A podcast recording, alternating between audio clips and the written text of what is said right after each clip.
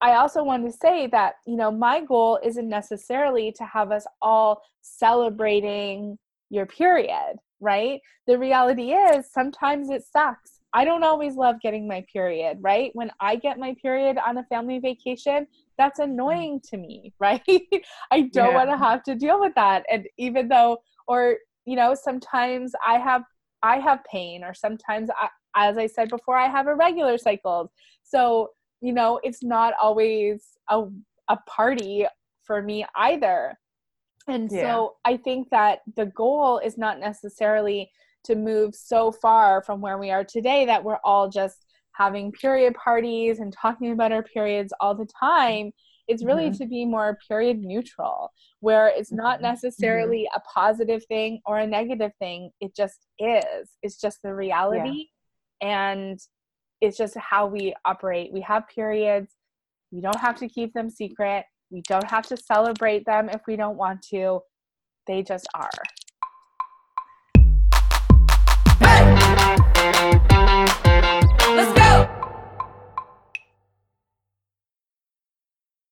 Cześć, witam Was bardzo serdecznie w kolejnym odcinku programu Koleżanki. Mam na imię Martyna i rozmawiam tutaj z ekspertkami w różnych dziedzinach o kobiecym zdrowiu psychicznym i fizycznym, o kobiecym ciele, o hormonach, o menstruacji, o cyklu menstruacyjnym. E, dzisiaj pokażę Wam e, kolejny wywiad, w którym rozmawiam e, z Amandą Laird. Amanda jest autorką podcastu Heavy Flow, którego można posłuchać na Spotify. Mm, jest dostępny w języku angielskim. Jest też e, autorką książki pod tym samym tytułem. E, książki, która mówi o menstruacji pod kątem społecznym, psychologicznym, zdrowotnym i żywieniowym, ponieważ Amanda jest też e, holistyczną dietetyczką. Z Amandą rozmawiałyśmy o tym, w jaki sposób styl życia i żywienie może wpływać na cykl menstruacyjny. Amanda opowiadała o tym, jak ona dorastając uczyła się, żeby temat menstruacji nie był dla niej tematem tabu. Mówiła też, jak pracując, wychowując dziecko, stara się żyć w zgodzie z cyklem i czy jest to w ogóle wykonalne.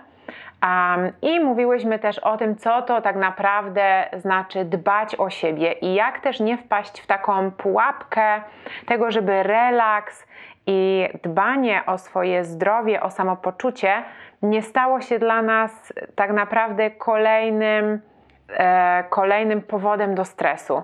Zapraszam Was bardzo serdecznie do obejrzenia tego odcinka.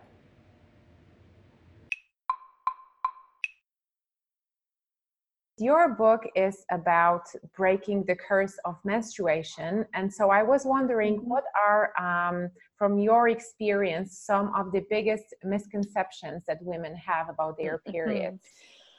Well, you know, our bodies are nothing to be ashamed of. Um, and particularly when it comes to menstruation, um, you know, this is a perfectly normal bodily function uh, something that for generations we have been made to feel ashamed of. It's something that we're often taught, maybe not overtly, but inadvertently taught that it's something that is gross or shameful. It's something mm-hmm. we need mm-hmm. to be kept hidden. When really these are important bodily functions and they're just that they're bodily functions and so it's not something mm-hmm. that needs to be concealed um, certainly, mm-hmm. there's that. Um, and then the flip side of that is also is that it's something that is supposed to be painful, um, that we're supposed mm-hmm. to suffer. Um, you know, statistics vary, but I have heard as many as 90% of people with periods report some type of pain during their mm-hmm. menstrual cycle, whether that's headaches or cramping or back pain. And that's a lot of people, right? That's almost yeah. the entire half of the population of the planet that is potentially yeah. experiencing pain once a month, right? And, yeah. you know, it's just absolutely ludicrous to me that we accept pain as normal. Think about pain in any other part of your body. I have knee pain, I have elbow pain, I have a headache no one would ever say, oh, that's normal, don't worry about it. And so, why is it that we're conditioned to believe that when it comes to our reproductive health or hormonal health, that it's it's normal to be in pain, right? And so I really reject yeah. that notion. And I think that we can that there's things that we can do as well. Um, there's things we can do to take care of ourselves, like changing our diet, like our exercise, exercise, managing our stress, that can actually help to improve our experience month to month. So we don't have to be suffering. So, um, if the pain is not normal, then there are things that we can do in order to not suffer. And th- these are usually changes in our lifestyle. Or if not, any mm-hmm. other mm-hmm. serious yes. issues, of course. So, you know, the bar is pretty low between, you know, what is abnormal and what can be expected. Mm-hmm. And so, I mean, having said that, you know, is it possible for us to have a 100% pain free period every month? I'm not sure, mm-hmm. right? Like the mm-hmm. nature of menstruation is that our uterus has to contract. It needs it has work to do and that might cause some discomfort, right? Our body is losing a lot of iron mm-hmm. stores when we're losing blood, our, there's a lot going on and so we might be a little fatigued, right? So we can expect yeah. to feel a a little bit some I would say some light cramping and some fatigue right let's let's consider that as normal yeah. but it should not be interrupting our lives right so if we feel mm-hmm. like we have to miss school we have to miss work we're canceling plans um you know that is something that we need to look at a deeper issue because it could be something more serious like endometriosis or adenomyosis or fibroids or something else that is a serious medical condition but by changing some of our lifestyle as well, um, particularly stress is the big one. Um, stress and our menstrual cycles are so important. And so, if we're chronically stressed out, we're chronically overstimulated, that's going to delay ovulation or stop it altogether. And we're going to see those results in irregular periods, longer cycles, um, heavy bleeding, these types of things. So that's a very important, or absent periods as well, uh, if fertility issues. So that's one place uh, I think to start because if we're stressed out and we're running on empty, it doesn't matter how many kale smoothies or salads or anything mm. else that we eat, right? That stress yeah. is like first so important. And then once and and like i said earlier the modern world the realities of living in the modern world is that we're always going to have stress. We're always going to mm-hmm. have to pay the mortgage. We're always going to have to pay for childcare. We're always going to have you know tense relationships or rocky relationships. We have to go to work. There's deadlines. There's traffic right?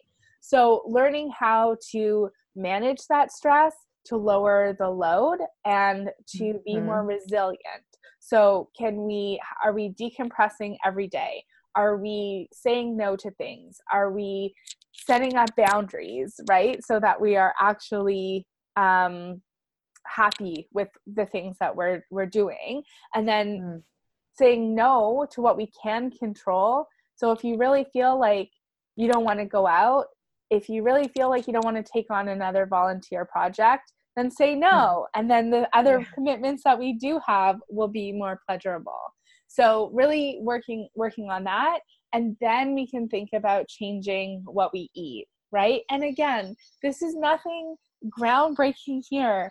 We need to eat lots of vegetables right? We need uh to drink lots of water. We know that eating excess amounts of sugar or drinking alcohol or smoking cigarettes or eating fast food all the time probably isn't making us feel our best, right? And there's no one diet that is going to work for everybody. So this goes back to the body literacy, right? Finding mm-hmm. out what works for you and recognizing that that, you know, a diet is never going to work long term because even at looking at our menstrual cycle in the first half of our cycle we tend to need fewer calories in the second half of our cycle between after ovulation you know uh, we tend to crave higher fat higher calorie foods because mm-hmm. our body would need that if we were to be pregnant, right? And so learning to honor where we are, to eat when we're hungry, right? Mm. To rest when we're tired. Like th- these things are so, so, so important. You said that we are, uh, we get this message that this is something that we should be ashamed of. Is that how you felt at the at the beginning when you started menstruating? Mm. So, no, I have to say, um, you know, it wasn't something that I really consciously thought, right? Mm-hmm, but mm-hmm. there was little things looking back that I could see how I was operating in such a way that was within shame, although I didn't even know it, right? When, okay. you know, you are trying so hard to make sure that you don't leak or smell or that your menstruation is well contained and that nobody ever knows that you're menstruating um, that hmm. shame although we might not know it when you tuck your tampon at the sleeve of your sweater on your way to the bathroom or yeah. you bring your whole big purse uh, when you just need one small thing from it to the bathroom you know these are things that are shame right um yeah. and definitely i have to say that although i was very interested in menstruation from an early age um i partook in all of these behaviors as well right so i went to mm. great lengths to make sure that it was covered up and it was kept secret because that's that was just the world of you know high school and teenagers uh, it's just yeah. what you do yeah but I believe that has changed, hasn't it? Well, certainly now, of course. Um, you know, when I was a teenager, I did become very interested in um, menstruation from a political lens, but it was through products. And so mm-hmm. I learned very early on about some of the toxic chemicals and ingredients that were included in mm-hmm. pads and particularly tampons. And so this was in the 90s as well. And so the mm-hmm. um, toxic shock crisis of the early 80s, where women died from using tampons, mm-hmm. was still quite fresh. Um, and, you know, consumer regulations that um, regulated absorbencies and things like that around pads and tampons were still quite new. And so I learned about some of these not great products like dioxins and bleaches and other um, potentially harmful cancerous ingredients. And I started sewing my own pads. And when I learned about this, I was horrified. And I made little zines, I made flyers, I was taping them up in my bathroom uh, or in the bathroom at school when I when I was in high school. But um, I didn't get a lot of support back then. I didn't get a lot of support okay. from my friends. They all thought that I was weird. They never wanted to talk about menstruation. They thought it was gross to use a reusable cloth pad that I had, you know, sewed myself at uh-huh. home. Um, and so I didn't I didn't push it too much because in high school, um, you know, at least for me, it was important to blend in and to be liked and to have friends. Um, and so I didn't want to be weird. And so I really just kind of put it aside.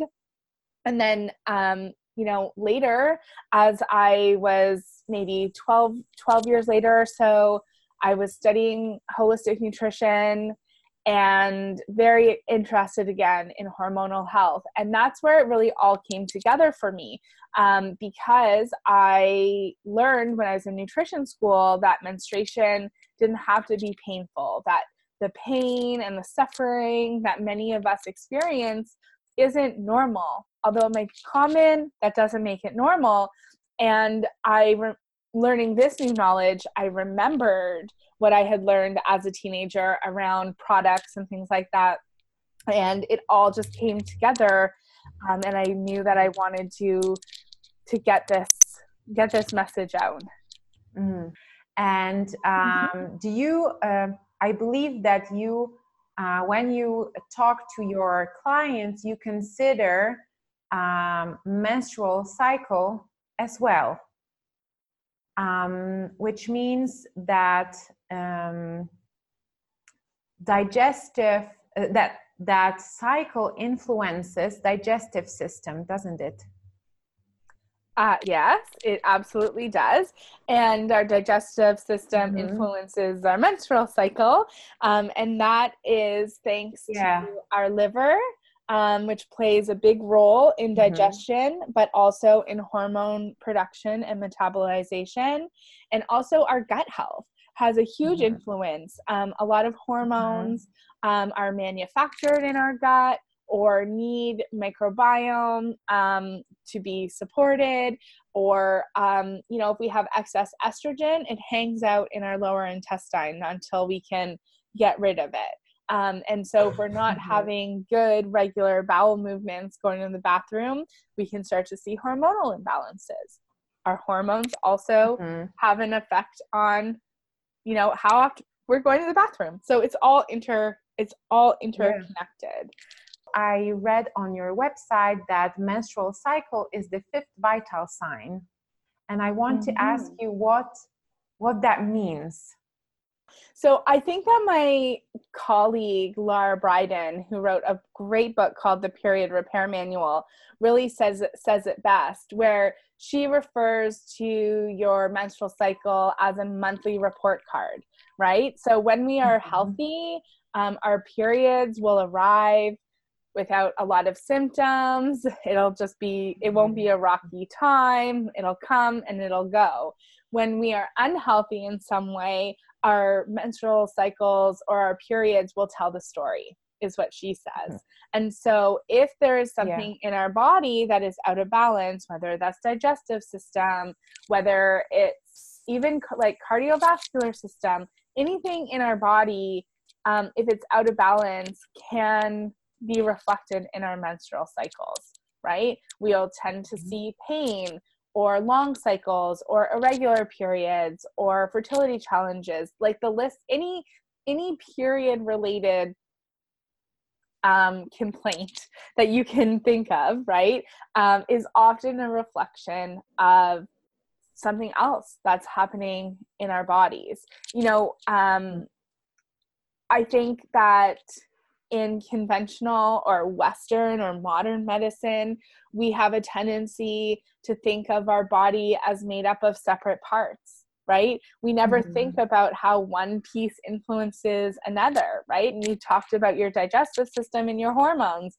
And it's like, what came first? Was it the digestive problems that caused the hormonal imbalance? Was it a hormonal imbalance that caused the digestive problems? Mm-hmm. Like, it's hard to really unpack that but it's in but we have to recognize that like of course it's going to have an impact right? Mm-hmm. every body system has an impact on the other right? It's all everything in our body is working together to keep us alive.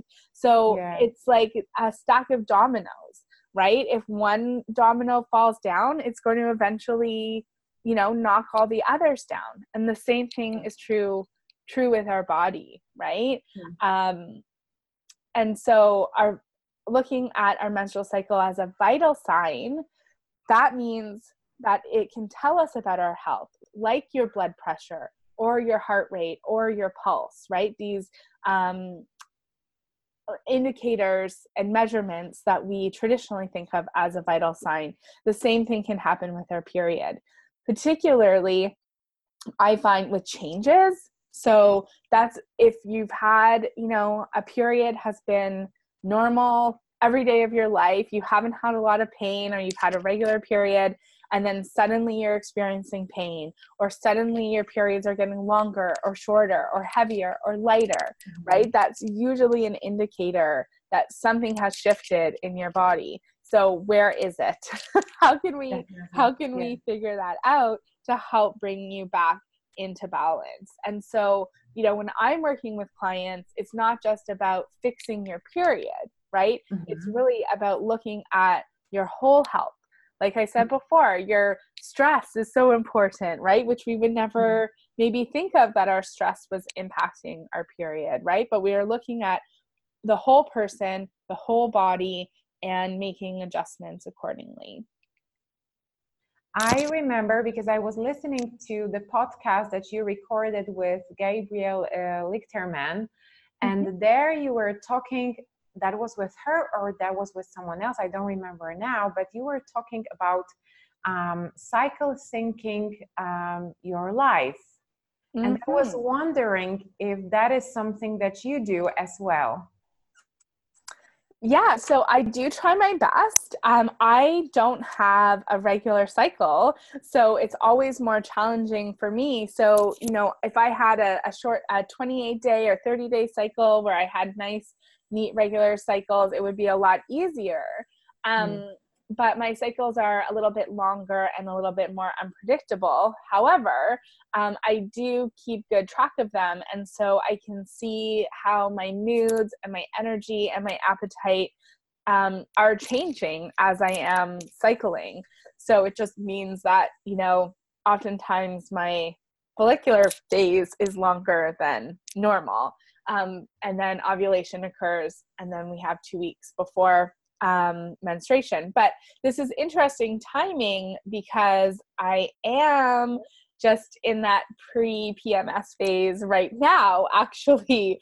And so I'm finding that my energy is low and that my appetite is much higher and that I'm just much more sensitive and emotional. And when I start to notice these changes happening, you know, I can start to take care of myself accordingly, right? So, you know, yeah. we can't all take time off work and retreat and be alone. Um, I have a family, I have clients, I have work that I, I have to do. But when I start to feel this way, it usually take first of all it usually still catches me by surprise right where i i feel like i'm just like why do i feel this way? I've made so many mistakes. What am i doing in my life? I always i always go to that place first and then i think to myself wait a second. Where are you in your cycle? What is happening? How are you feeling? And then i can you know take care of myself in the way that I, I need. So asking myself, what is it that I need? And so, you know, mm-hmm. I can't always just, you know, go away by myself. I have mm-hmm. responsibilities and obligations, but can I put more space in my day? Can I put my to do list in half so that I'm just you know, taking care of the most important things um, on my list that day. And then could I leave 15 or 20 minutes earlier so that I can take a longer walk? Um, how do I nourish my body? Um, how do, do I go to bed earlier? Um, mm. So I try and just check in with myself and ask myself how I'm feeling, what do I need right now, and then try to adjust accordingly. Because and you know this is still something that i'm learning. I'm not always good at this right?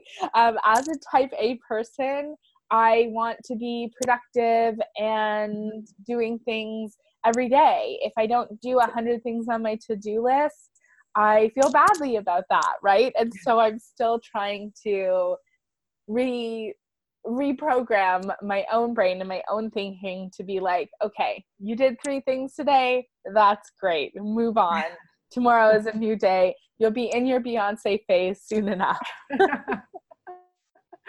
um, because actually, this is um, what I was thinking as well of when I first um, when I th- first learned about cycle syncing. I was like, great, I'm gonna learn so many new things about my body. But then I thought um, that it was another thing in my life that was, um, let's say, um, that it, that is meant to optimize my life. Yes. I felt like no, I don't want to go deeper into that because this is another thing to add on my to-do list. Um, you yes. know, taking care of my even these things that are supposed to be nice were yet another things to do. Um, so, but then I then when I started to learn about this, um, I discovered that this is actually the opposite, as you said. So it helps you um, to let things go. This is what I feel like now. I would agree. And I feel like um, I hear you. And I often I hear what you're saying about one more thing to do, right?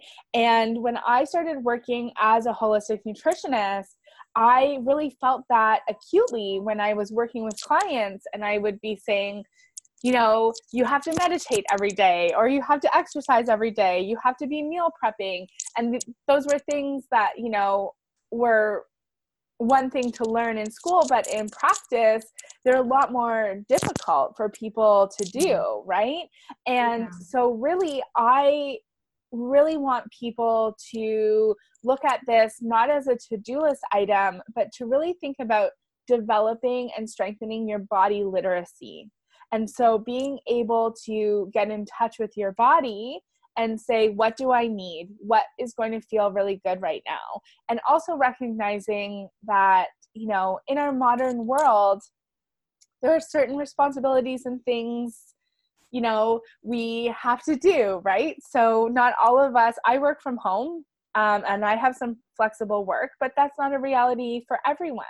And so it's not about you know turning everything upside down on your head. And as i said earlier like taking time off work or going away it's really just saying like what do i need right now? And really listening and really honoring mm-hmm. that because and more times i think it's also we feel more challenged by these things in the second half of our cycle. So, after ovulation, when we're in that luteal phase, when we might be feeling more uh, low energy, we might be finding um, like feeling that we're tired and we're feeling antisocial and we don't really want to leave the house. Like, I mean, you can feel like these are just uh, and it's okay if you don't feel those that way in that part of your cycle too right? But oftentimes we might be feeling these ways um, and just really honoring that instead of pushing through. I think as women and particularly women i think of our generation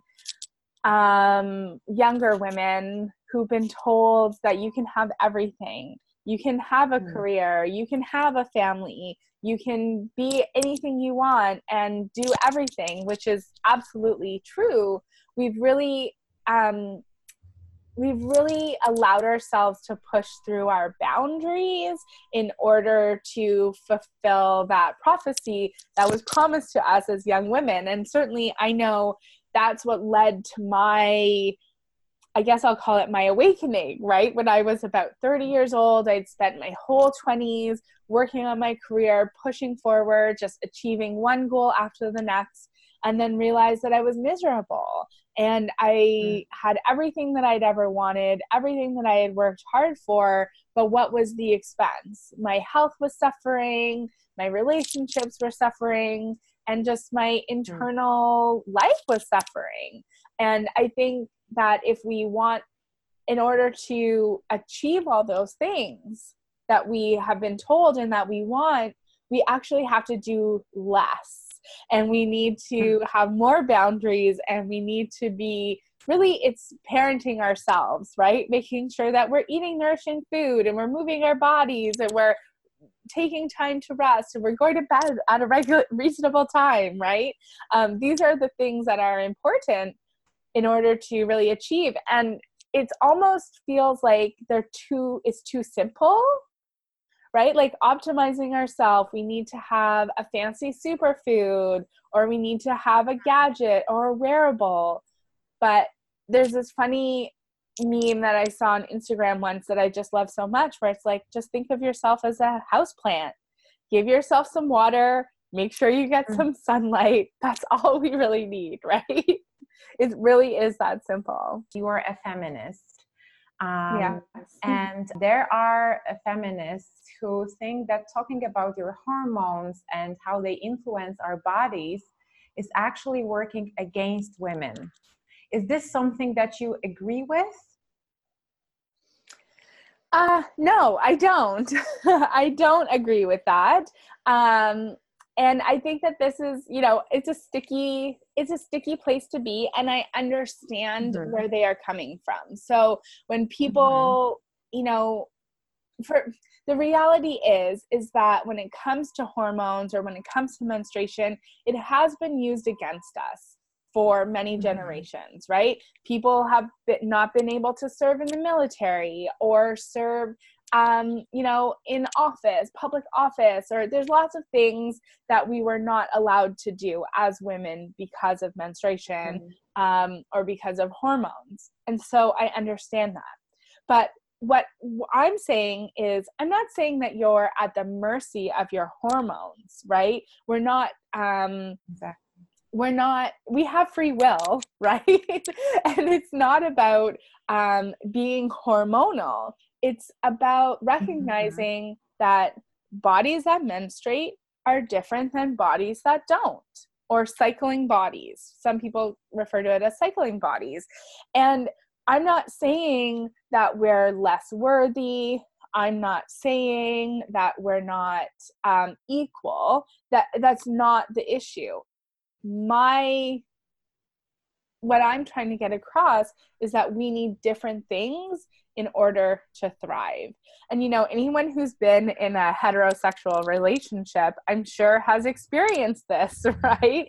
You know, mm-hmm. I know that my partner he gets up every day and nine days out of ten he feels the same way as he did the day before right he's got lots of mm-hmm. energy um, maybe if we had too much to drink or we had a late night of course he's going to feel tired in the morning but generally yeah. through the week you know he's got lots of energy he's mm-hmm. on a pretty even keel where every day like for me with my menstrual like I have menstrual cycles and so I have more energy in the first half of my cycle I have less less energy in the second right every day is a little bit mm-hmm. different mm-hmm. I need different things every day to really nourish myself and take care of myself mm-hmm. uh, I was wondering if if it isn't too early for us to start talking about liking your period and liking your menstrual cycle while there are so many people who struggle with even talking about it or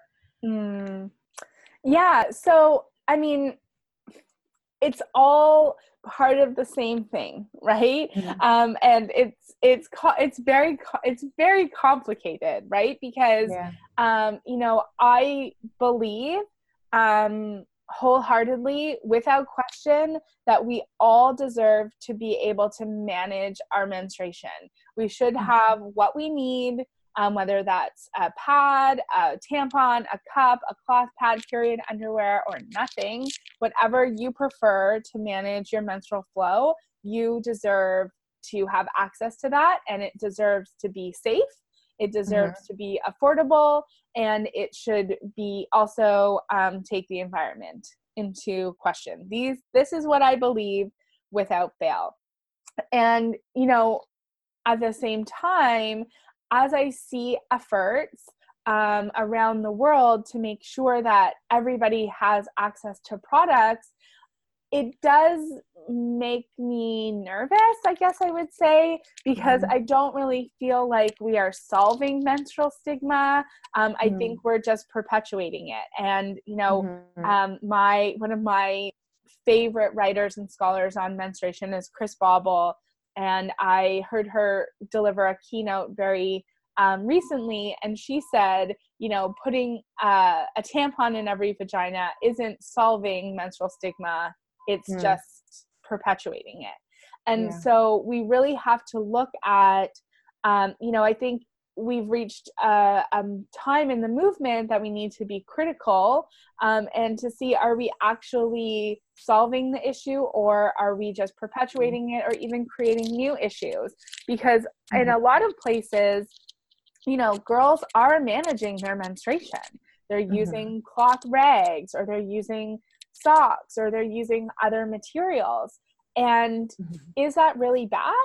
Because mm-hmm. here in Canada, you know, as we become, and in North America, as we become more eco conscious, what are we using to manage our periods? We're using cloth pads and reusable products, you know, period underwear. These are not that far off, right? Mm-hmm. And so as we're going into these untapped markets and providing disposable plastic products, are we actually solving the problem or are we just hmm. creating more period waste, which is contributing to environmental factors? And so it's there's there's a lot of I think it's very tricky, right? Mm-hmm. And there's also cultural differences to mm-hmm. consider, right? And so um and so is it too early to be talking about our periods? I mean, I think that we can't have one without the other, right? And mm-hmm. until we're really educated about the importance of menstruation or the menstrual cycle to our health and wellness, then we're just going to keep plugging a hole, pun intended, right? Uh, we're not going to actually solve the problem until we recognize that. So we need that education piece as well as the products. Like we need to be able to manage. And I also want to say that, you know, my goal isn't necessarily to have us all celebrating your period, right? The reality is sometimes it sucks. I don't always love getting my period, right? When I get my period on a family vacation, that's annoying to me, right? I don't yeah. want to have to deal with that. And even though, or, you know, sometimes I have I have pain or sometimes I, as I said before, I have irregular cycles. So you know it's not always a, a party for me either and yeah. so i think that the goal is not necessarily to move so far from where we are today that we're all just having period parties and talking about our periods all the time it's really mm-hmm. to be more period neutral where it's not mm-hmm. necessarily mm-hmm. a positive thing or a negative thing it just is it's just the reality yeah. and it's just how we operate. We have periods. We don't have to keep them secret. We don't have to celebrate them if we don't want to. They just are.